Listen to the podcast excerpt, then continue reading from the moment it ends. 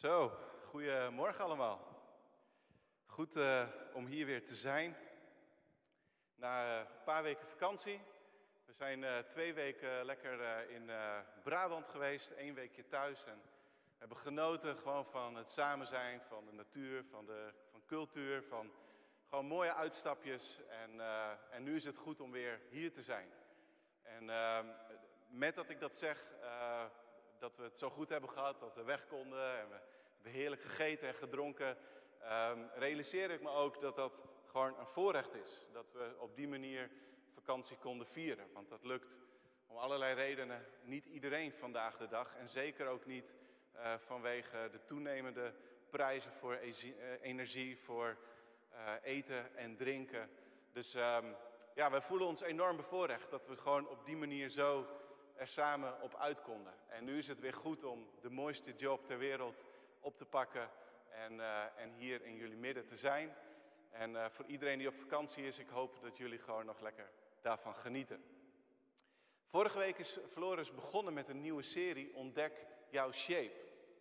En um, hij heeft heel duidelijk uitgelegd, met natuurlijk op zijn manier exact, met diagrammetjes en op het scherm. Um, hij heeft heel mooi uitgelegd dat we allemaal uniek zijn, ja, maar dat we ook allemaal gelijk zijn. En dat het een niet zonder het ander kan. En zijn uitdagende laatste vraag van de preek was: Ben je bereid om alles wat jou heeft gevormd tot wie je bent, ook jouw pijn en falen, aan God te geven, zodat Hij het kan gebruiken? En dat is waar deze serie over gaat. En daarvoor gebruiken we uh, het acroniem SHAPE en al die letters die staan voor iets, dat ga ik straks uitleggen. Maar shape ligt een grondslag aan wat wij geloven over bedieningen, over een verschil maken, over een taak vervullen, over um, hoe je het ook maar wilt noemen. Maar dat is de grond. God heeft ons geshaped. Hij heeft ons gevormd op een specifieke manier en hij is bezig om ons te vormen. Niet alleen maar voor onszelf, omdat niemand van ons is geroepen om alleen maar voor zichzelf te leven. We leven ook voor anderen. En dat maakte die preek van Floris ook zo goed. Van, um, het thema was, de, we zijn uniek, jij bent uniek. Maar je kan het niet over uniek hebben zonder dat ook te plaatsen in het verband van we zijn gelijk, we zijn gelijkwaardig. Um, het gaat om gemeenschap. Het gaat erom dat jouw uniciteit deel uitmaakt van een groter geheel. En dat is waardoor jouw uniek zijn trouwens ook volledig tot zijn recht komt. Um, nou, met dat in het achterhoofd ga ik het vandaag en volgende week hebben over de vraag hoe kan ik een verschil maken vanuit mijn shape. En dan begin ik hiermee. Ik ben een meester Lego-bouwer. Dat is even belangrijk. Ik denk dat de meesten van ons wel hebben gespeeld hebben gebouwd met Lego. Uh, ik had vroeger ook altijd heel veel Lego. En Lego en een verschil maken hebben heel veel met elkaar te maken. En om dat uit te leggen heb ik mijn telefoon, heb ik iets meegenomen. En um, schrik niet.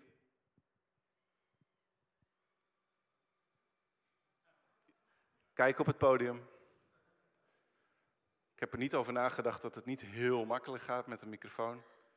Maar, hopsakee. Dat is mijn nieuwe speeltje. Deze, ja, ja, ja.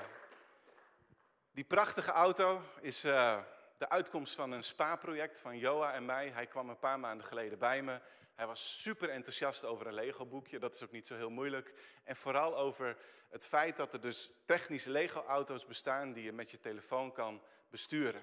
Nou, hij was zo, werd er zo blij van dat ik zei van weet je wat, we gaan daarvoor sparen. Want dat ding, dat kost best wel veel geld, meer dan 100 euro. En um, hij zei, maar heeft hij dan niet 100 euro op de bank? Ik zei, jawel, maar ik kan ook niet zomaar altijd kopen wat ik maar wil en direct. Dus we gaan ervoor sparen. Eh, we nemen daar de tijd voor. Jij spaart met je zakgeld. Ik ben jarig. 15 juli was ik jarig. 29 geworden. En ehm, ze trappen er allemaal in, Eva. Ehm, nee, maar goed, 39. En uh, ik heb geld gevraagd voor, uh, voor Lego. Dus tijdens de vakantie konden we deze auto samen kopen. En we hebben daar heel wat uren gezellig al mee doorgebracht om hem te bouwen en daarna om ermee te spelen.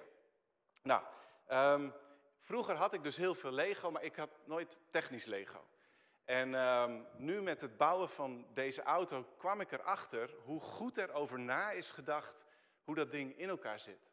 Soms ben je bezig met een onderdeel te bouwen en je hebt geen idee nog waar dat voor is.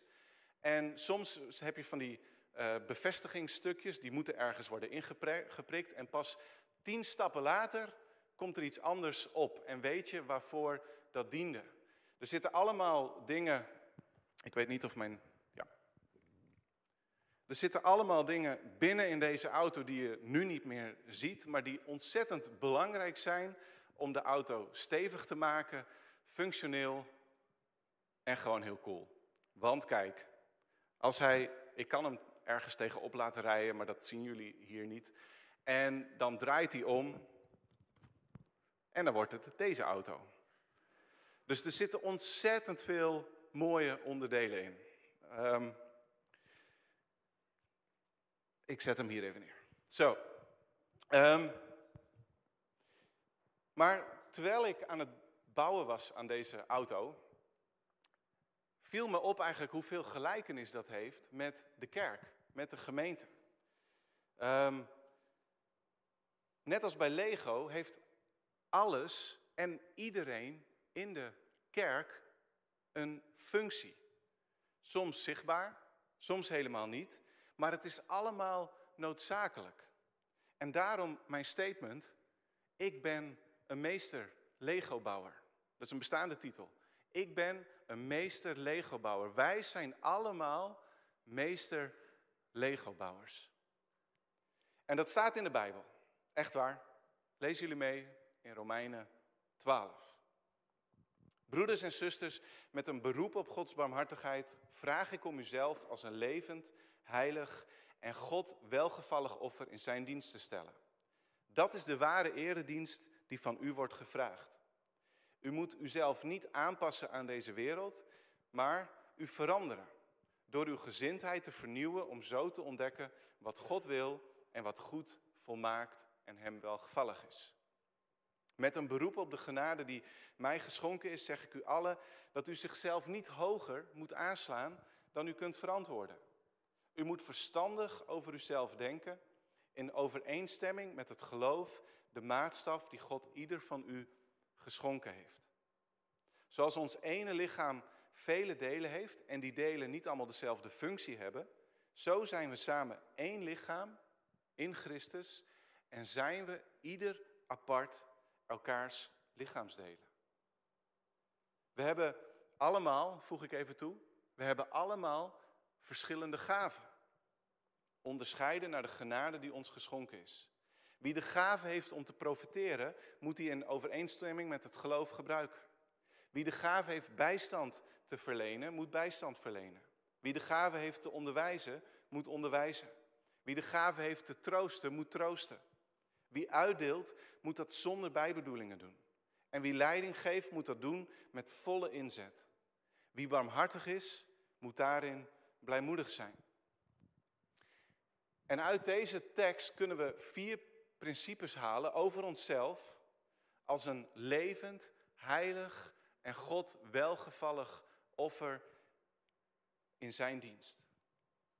En ze zijn gemakkelijk te onthouden, deze vier principes, aan de hand van het woord Lego. Dat begint met de L en de L staat voor leden, niemand uitgezonderd, hebben een bediening. Het woord leden is een heel mooi woord. We denken misschien daarbij aan papier of een Excel-sheet of zoiets. Maar leden komt van het woord ledemaat. Een deel van het lichaam.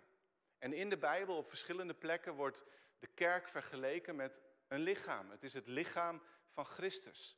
En daar maken allerlei ledematen deel van uit. En met dit beeld maakt Paulus ook duidelijk dat alle leden een taak, een bediening hebben. Niemand uitgezonderd. Met de woorden in 1 Corinthians 12, maar God heeft juist alle lichaamsdelen hun eigen plek gegeven. Precies zoals hij dat wilde. Als ze met elkaar slechts één lichaamsdeel zouden vormen, zou dat dan een lichaam zijn? Nee. Het is juist zo dat er een groot aantal delen is en dat die met elkaar één lichaam vormen. Nou, tijdens mijn opleiding godsdienstpastoraal werk, uh, tot 17 jaar geleden ongeveer, leerde ik dat uh, een kerk blij mag zijn als 15 tot maximaal 25 procent van de leden een taak heeft. Nou, dat is heel erg weinig. En uh, een, ik, ik, denk dat het een jaar of acht geleden was, hebben we een keer gewoon letterlijk geteld. Oké, hoeveel mensen vervullen bij ons een bediening? En toen kwamen we op ongeveer uit mijn hoofd 65 procent. Dat is heel erg hoog. Uh, daar mogen we heel dankbaar voor zijn. Maar ik weet niet zeker of we dat vandaag de dag nog halen. En in ieder geval, afgezien van redenen als dat mensen soms tot rust moeten komen, herstellen. Soms moet je toegroeien naar een bediening, soms moet je even herijken. Uh, en er zijn zo heus nog wel een paar andere redenen te bedenken. Maar afgezien daarvan zou het eigenlijk natuurlijk moeten zijn dat als je deel bent van het lichaam, dat je daar dus ook je functie vervult. Er is geen reden om niet een levende Lego-steen te zijn in de bouw van Gods huis. En de gemeente is niet gezond wanneer niet iedere cel, ieder orgaan, ieder ledemaat, ieder bloedvat, iedere verbinding, op wat voor manier, ook, op wat voor manier ook niet zijn of haar lichaamsfunctie vervult. Iedereen heeft een bediening. Ten tweede, de E staat voor elke bediening is uniek en belangrijk. Paulus zegt het in 1 Corinthiërs 12 als volgt. Tegelijk bestaat een lichaam niet uit één deel, maar uit vele. Als de voet zou zeggen, ik ben geen hand, dus ik hoor niet bij het lichaam, hoort hij er dan werkelijk niet bij. En als het oor zou zeggen, ik ben geen oog, dus ik hoor niet bij het lichaam, hoort het er dan werkelijk niet bij. Als het hele lichaam oog zou zijn, waarmee zou het dan kunnen horen? Als het hele lichaam oor zou zijn, waarmee zou het dan kunnen ruiken? Dus geen enkel onderdeel van het lichaam hoeft zichzelf te vergelijken met een ander deel van het lichaam. Oh, als ik niet ben als hem of haar, dan hoef ik niks te doen, hoor ik er niet bij. Nee, niemand hoeft te denken, ik doe er niet toe of wat ik doe is niet belangrijk. En als een lichaam alleen een oog of een oor zou zijn, dan is het niet eens een lichaam. En zo is het ook in de kerk. Met alle taken en bedieningen, ze zijn allemaal verschillend en ze zijn allemaal noodzakelijk. De zangleider kan niet zonder iemand achter de techniek. Uh, een leider kan niet zonder mensen die die kan inspireren en leiden. Um, gastvrijheid kan niet zonder kosters, gastheren, gastvrouwen, schoonmaak, connectgroepen door de week. Alles hangt samen om gastvrij te zijn. En zo kan niemand zonder de ander en is het allemaal belangrijk. En Paulus zei het ontzettend mooi in Romeinen 12, wat we net lazen in vers 5. Zo zijn we samen één lichaam in Christus en zijn we ieder apart. Dat is waar Floris het over had met uniek. We zijn ieder apart elkaars lichaam delen. En dat is het andere waar hij het over had. We zijn wel gelijk, gelijkwaardig. We hebben elkaar nodig. Dan ten derde, de G. Gezamenlijk zijn we sterk. Gezamenlijk zijn we sterk. 1 Corinthians 12 gaat verder. Met het oog kan niet tegen de hand zeggen, ik heb jou niet nodig. En evenmin kan het hoofd tegen, niet tegen de voeten zeggen, ik heb jullie niet nodig. Integendeel, juist die delen van het lichaam die het zwakst lijken, zijn het meest noodzakelijk. Vandaag, 19 dagen geleden, verscheen er een, een heel mooi artikel op de correspondent. En de schrijfster daarvan die betoogt het volgende. Al eeuwen staat het zelfstandige, autonome, onafhankelijke individu centraal in ons westerse denken. Daarom voelt het vaak als falen als je je eigen boontjes niet kunt doppen. Maar zelfstandigheid bestaat niet zonder afhankelijkheid. En het bestaat niet zonder zorg. Nou, in de kerk weten we dit, als het goed is, al heel erg lang. Vanaf het begin dat we bestaan, kunnen we hiervan overtuigd zijn. We kunnen niet zonder elkaar. We hebben elkaar nodig. En zoals mijn prachtige Lego-auto niet kan functioneren zonder honderden, zelfs duizenden onderdelen, die allemaal op de een of andere manier met elkaar verbonden zijn, elkaar dragen, ervoor zorgen dat de kracht van de motor wordt overgebracht op de wielen enzovoort. Zo heeft de gemeente alle leden nodig om in wederzijdse afhankelijkheid van elkaar te zorgen, teams te bouwen, taken te vervullen en alles te doen waarvoor het lichaam van Jezus is geroepen. Binnen en buiten de kerkmuren. Dus we zijn Lego-bouwers. Leden, niemand uitgezonderd, hebben een bediening. Elke bediening is uniek en belangrijk. Gezamenlijk staan we sterk en daar vloeit de O uit voort. Onze shape komt tot uitdrukking in onze bediening. Onze shape. In de unieke bediening van ons allemaal in samenwerking met andere bedieningen komt onze shape naar voren. En we geloven met volle overtuiging, lezen jullie mee, iedere gelovige is een meesterbouwer en is gemaakt, is gered en is geroepen. Dus het heilswerk van Jezus is ook hierop gericht. Is geroepen om bij te dragen aan de gezondheid en de functie van het lichaam van Christus.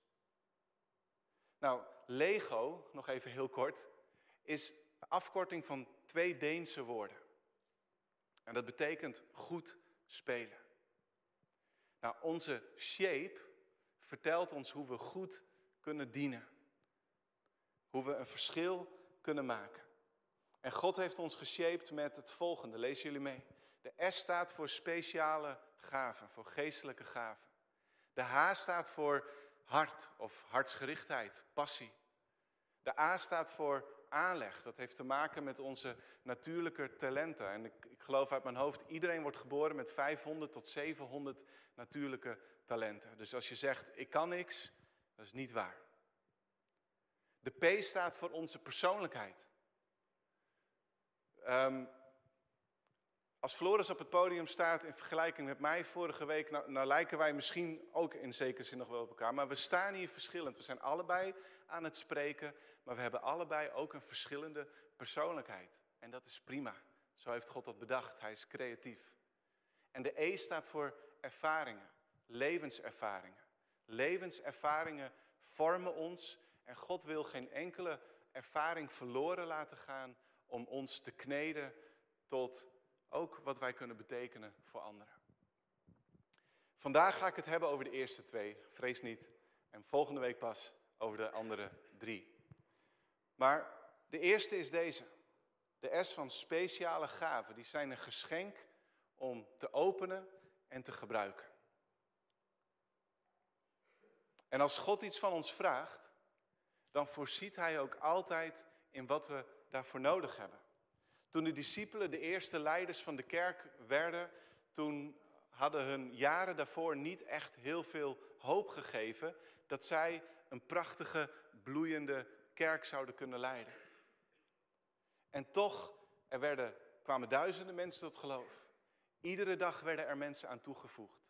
Als het even misging, werden er nieuwe mensen aangesteld, zodat iedereen zich kon houden aan waarvoor zij belangrijk waren. En ze konden een kerk leiden die al in Jeruzalem sowieso in een korte tijd tot 5000 mensen uitgroeide. Maar om die te leiden, om mensen te inspireren, om onderwijs te geven, om wonderen en tekenen te zien gebeuren. En dat heeft allemaal te maken met de kracht van de Heilige Geest. Hij gaf woorden, hij gaf wonderen, hij gaf wijsheid, vrijmoedigheid om, om die kerk uit te bouwen. En een aantal voorbeelden uit 1 Corinthians 12 van die gaven. En er staan nog meer in dat hoofdstuk. Er staan er nog veel meer door het hele Nieuwe Testament. Maar er staat bijvoorbeeld, lezen jullie mee. God heeft in de gemeente aan allerlei mensen een plaats gegeven. Ten eerste aan apostelen, ten tweede aan profeten en ten derde aan leraren. Dan is er het vermogen om wonderen te verrichten, de gave om te genezen en het vermogen om bijstand te leveren. Er is het vermogen om leiding te geven of in klanktaal te spreken, tongentaal. Is iedereen soms een apostel of een profeet? Is iedereen een leraar? Kan iedereen wonderen verrichten of kan iedereen genezen? Kan iedereen in klanktaal spreken en kan iedereen die uitleggen? Dat zijn retorische vragen waarop het antwoord is nee, niet iedereen, maar altijd minimaal één. Omdat God wil dat de, de kerk gezond is doordat het allemaal een plek heeft, een functie vervult in de kerk. En God wil het ook geven vandaag. Niet door één persoon, maar door jullie allemaal. Door jullie allemaal. Aan iedereen wil God geestelijke gaven geven. En dat doet hij zoals hij wil, zegt Paulus. Dus dat heeft te maken met de soevereine wil van God. En tegelijkertijd ontslaat het niet van onze verantwoordelijkheid om er naar te streven. En om te zeggen, ik strek me uit naar alle gaven. En dan is het aan God om te geven welke hij wil geven en op welk moment. Maar ik, ik neem mijn verantwoordelijkheid door er naar te streven. Speciale geestelijke gaven maken voor een deel duidelijk wat Gods wil is voor jouw bediening. Het is niet het hele verhaal, maar ze zijn onmisbaar in dit verhaal. Het geeft zoveel kracht. En in een context waarin Paulus uitlegt dat de gave van tongentaal tot opbouw van je eigen geloof is en de gave van profetie tot opbouw van de gemeente, zegt hij dit. Dit geldt ook voor u. Als u zo graag gaven van de geest bezit, streef er daarnaar uit te blinken in de opbouw van de gemeente. Streef ernaar. En gaven zijn, zoals het woord zegt, een gift. Het is een cadeau van God wat we naast ons neer kunnen leggen of dat we kunnen oppakken en openmaken en gaan gebruiken. En je kunt talent hebben om te onderwijzen, maar de impact van jouw onderwijs is zoveel groter. Als daar de geestelijke gave van leraar zijn bij komt. Je kunt misschien een talent hebben om gasvrij te zijn en mensen op hun gemak te stellen. Maar er komt zoveel bij die gasvrijheid. Wanneer je met de ogen van Jezus naar mensen gaat kijken. Wanneer je misschien een woord van, van Hem ontvangt om te spreken tot iemand. En zo werken talenten en gaven en al die andere dingen met elkaar samen. Nou, hoe ontdek je gaven? Dat is heel simpel. Door iets te gaan doen. Als je nog niet zo goed weet wat je kunt en wilt, begin gewoon ergens. Als je gaat zitten wachten totdat God misschien laat zien waar, jou, waar, waar jouw gaven liggen, dan kun je meestal heel lang wachten. Maar juist door je handen uit de mouwen te steken, ga je gaandeweg ontdekken welke gaven God aan jou heeft gegeven. En dat kan een taak zijn die je misschien maar korte tijd doet en daarna moet je weer verder. Omdat je erachter komt van hé, hey, het ligt toch ergens anders. Maar ik zou zeggen, experimenteer. Leer jezelf kennen. Ontdek gewoon aldoende waar jij mag dienen. Maar laat je niet tegenhouden als je het nog niet weet.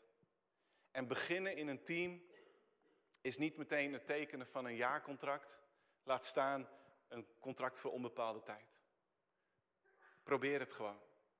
En na een paar maanden beweeg weer verder. Het enige contract wat je in zekere zin tekent is voor onbepaalde tijd wil ik mijn functie in het lichaam vervullen. Maar waar dat precies is, dat mag je ontdekken. Dat mag ook door de jaren heen eens een keer veranderen. Omdat je groeit, omdat je andere levenservaringen krijgt. Maar in ieder geval, ga wat doen. Want, lees jullie mee, je ontdekt je gaven en talenten niet door een test, maar door te gaan dienen. Oké, mijn laatste punt. Dat gaat over hart. Dus we hebben het gehad over de S van, van shape, speciale gaven, en nu over hart. jouw hartsgerichtheid of emotionele hartslag zorgt ervoor dat je met enthousiasme kunt dienen. En de Bijbel gebruikt het woord hart niet alleen maar voor ons fysieke hart, maar ook als eigenlijk de kern van wie we zijn. De zetel van onze wil, van onze verlangens, van onze dromen, van onze neigingen. En dat is allemaal hart. De Bijbel zegt het als volgt in Spreuken 27, zoals water het gezicht weerspiegelt, zo weerspiegelt het hart de mens. We worden eigenlijk van binnenuit zichtbaar in ons hart. En God heeft ons allemaal een unieke fysieke hartslag gegeven, maar ook een unieke emotionele hartslag. We worden allemaal geraakt door verschillende zaken. De een kijkt misschien naar een item in het journaal over dierenmishandeling en die skipt zo verder naar het volgende. De ander die staat op van de bank en die vraagt zich vertwijfeld af hoe iemand dat toch kan doen. De een leest misschien over statistieken over dak- en thuisloosheid in Leeuwarden, in Friesland, in Nederland. En die gaat hopsakee verder naar de volgende, soms deprimerende statistiek. Maar het lijkt niet echt te raken. De ander ligt de hele nacht ongemakkelijk op zijn of haar bed te woelen van wat doe ik hier? Er zijn mensen die niet zo'n bed hebben en die gaat de volgende dag op zoek naar mogelijkheden om iets te betekenen voor dak- en thuislozen. En zo zitten we allemaal verschillend in elkaar. Het is niet erg dat de ene hier heel enthousiast is en de ander daarover. Dat is juist het mooie. Dat God dat aan ons geeft. In de Bijbel hebben we in Nehemia een heel duidelijk voorbeeld van iemand die enorm in zijn hart wordt geraakt. En ik lees een aantal passages uit zijn verhaal. In hoofdstuk 1, toen ik deze woorden hoorde, en dat gaat over woorden over de trieste situatie van Jeruzalem, ging ik huilend op de grond zitten. Ik rouwde dagenlang. Ik vastte en richtte een gebed tot de God van de hemel. En dan op een gegeven moment ziet de koning, ziet hem, diep bedroefd, eh, getekend op zijn gezicht. En hij vraagt, wat is dan je wens? En Nehemia bad tot de God van de hemel en antwoordde de koning, als het de koning goed dunkt en als u het mij, uw dienaar, toestaat, zend mij dan naar Juda, om de stad te herbouwen waar mijn voorouders begraven liggen. Nou, en dan komt er een hele serie aan avonturen en belevenissen. En de muur wordt herbouwd. En dan zegt Nehemia op een gegeven moment: Overigens heb ik in de twaalf jaar dat ik door de koning als gouverneur van Juda was aangesteld, vanaf het 20ste tot het 32ste regeringsjaar, nooit een vergoeding verlangd voor de kosten die een gouverneur voor zijn onderhoud moet maken. En mijn broers evenmin. En dan gaat het over maaltijden iedere dag voor tientallen, zo niet honderden mensen en allerlei andere dingen noemt hij. Hij zegt, iedereen doet dat, maar ik deed het anders. Uit ontzag voor God. Ik heb zelf deelgenomen aan het herstel van de muur. Grond hebben wij ons niet toegeëigend. En al mijn mannen waren voortdurend bij de herstelwerkzaamheden aanwezig.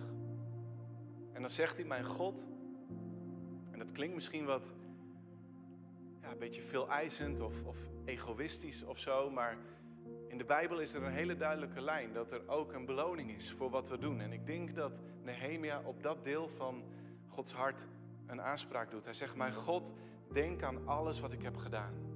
Laten de goede daden die ik heb verricht voor de tempel van mijn God en voor de eredienst niet worden uitgewist.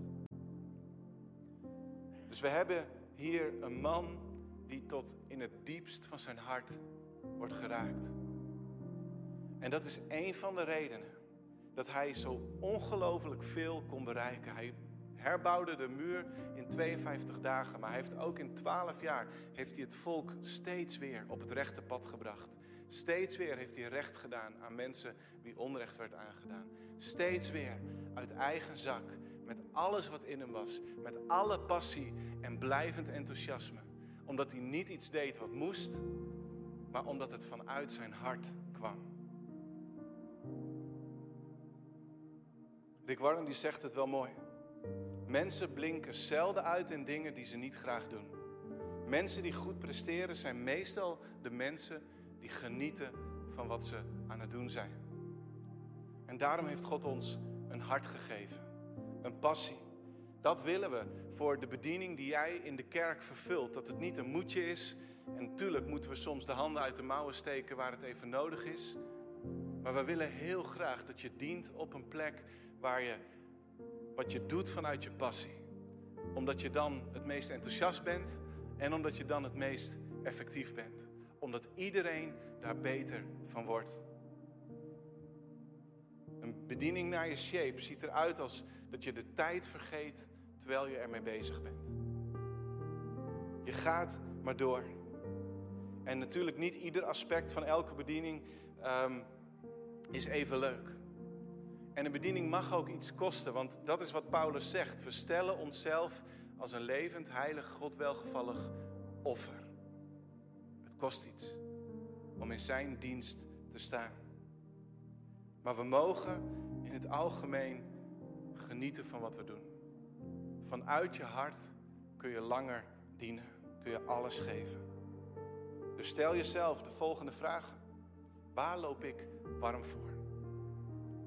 Waar ben ik gepassioneerd over? Waar lig ik soms s'nachts wakker van als ik aan de kerk of als ik aan de wereld denk? Wat laat mij niet los? En dat zijn belangrijke vragen die God, waar God jou een, een emotionele hartslag voor heeft gegeven. Om daar in actie te komen. Nou, ontdek je shape. Begin dus met het streven en het naar en het ontdekken van gaven door gewoon te gaan doen. Het begint met het leren kennen van je, van je hart, van je passies. En de Lego-principes zijn daarbij het uitgangspunt. Romeinen 12. Ieder lid heeft een bediening. Ieder lid. Elke bediening is belangrijk en uniek. Gezamenlijk staan we sterk. We vullen elkaar aan. We maken elkaar beter. En als we gaan dienen, dan ontspruit, dan ontplooit, dan bloeit op onze unieke shape. En op onze website, ik noem het toch maar even, clcleeuwarden.nl slash teams. Daar kun je heel gemakkelijk kort wat informatie vinden over allemaal verschillende teams. Als je denkt van, hé, hey, wat is er allemaal te doen? Ze staan er allemaal met een korte beschrijving. En je kunt heel makkelijk contact opnemen om gewoon eens een keer verder te ontdekken. Van, hé, hey, wat zou mijn plek kunnen zijn? Ik wil afronden met dit. Een paar jaar geleden werd een Rotterdammer, Arjan Groenendijk, verkozen tot de allereerste, en daar is hij, Master Lego Builder van Nederland. Op dat moment waren er maar 26 mensen over de hele wereld die zich zo mochten noemen. En hij was er eentje. En volgens het juryrapport bewees hij dat hij anderen kan enthousiasmeren voor Lego. En dat hij ook ontzettend creatieve creaties kan maken. Grandioze creaties. Zelf kan bedenken, samenstellen en bouwen. En ik geloof, jij, jij kunt anderen enthousiasmeren. Niet over Lego, maar over God. Over eeuwig leven. Over kerk zijn. Over geloof. Jij kunt grandioze creaties maken. En hoe ziet dat eruit? Bijvoorbeeld bijdragen aan een jeugdavond. Waar tieners God kunnen leren kennen en groeien in geloof. Bijdragen aan een dienst. Zodat mensen een ontmoeting met God kunnen hebben. Zodat ze zich gezien weten, welkom bij God en bij ons. Je kan bijdragen aan gastvrijheid door door de week de kerk op te ruimen en netjes te maken. Ja, echt waar. Zo belangrijk. Een, of een gastheer, een gastvrouw te zijn. Door gewoon jezelf voor te nemen, iedere zondag na de dienst, de eerste die ik aanspreek is iemand die ik nog niet ken. En dat zijn de manieren, en er zijn honderden andere, om de meest grandioze creaties te maken die er bestaan. dat is mensen die deel gaan worden van de gemeente, die eeuwig leven ontvangen, die op Jezus gaan lijken. En je kan ook bijdragen aan onze stad. Waar mensen met een lege maag naar bed gaan. Waar, begreep van iemand van Present, honderden mensen op een matrasje of gewoon kaal op de grond liggen. Waar mensen hun energierekening nu niet meer kunnen betalen, laat staan in de winter, laat staan als ze een nieuwe, nieuw contract moeten afsluiten. En daarom is het zo belangrijk een verschil te maken binnen de kerk en buiten de kerk. Dus ontdek je shape. Is niet een, nou, een mooi plusje voor de enkele enthousiasteling. Maar het is onlosmakelijk verbonden met gelovig zijn. En met deel uitmaken van de kerk. Zullen we met elkaar gaan bidden. Lieve Vader in de hemel, dank u wel. Dank u wel voor de shape waarmee u ons allemaal uniek hebt gemaakt, Heer. Maar niet om op onszelf te blijven, maar om verbonden te zijn, te zorgen, om te helpen, om een verschil te maken, om deel te zijn van een groter geheel. En we danken u. We danken u, Heer, voor uw oneindige creativiteit. Voor de honderden mensen die in Heerenveen, in Leeuwarden deel uitmaken van onze gemeenschap. En Heer, ik bid dat we met elkaar in staat zullen zijn. Dat we met elkaar de ruimte willen bieden om te experimenteren, om te ontdekken waar u ons wilt hebben. Waar we misschien een nieuwe volgende stap moeten zetten. Heer, u weet van de nood die er in sommige teams is. U weet van de lege plekken. U weet, Heer, dat het soms echt keihard werken is om het minimale noodzakelijke te doen. Maar ik geloof, Heer, met heel mijn hart, dat U een arm, een voet, een oog, een oor hebt om die lege plek te vullen.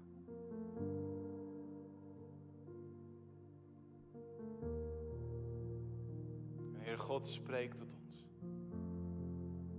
Spreek tot ons over wat wij mogen doen. Heer, niet voor onszelf, maar tot uw eer en voor uw gemeente. In Jezus' naam. Amen. Laten we gaan staan, lieve mensen. We gaan, uh, we gaan zingen, we gaan God aanbidden.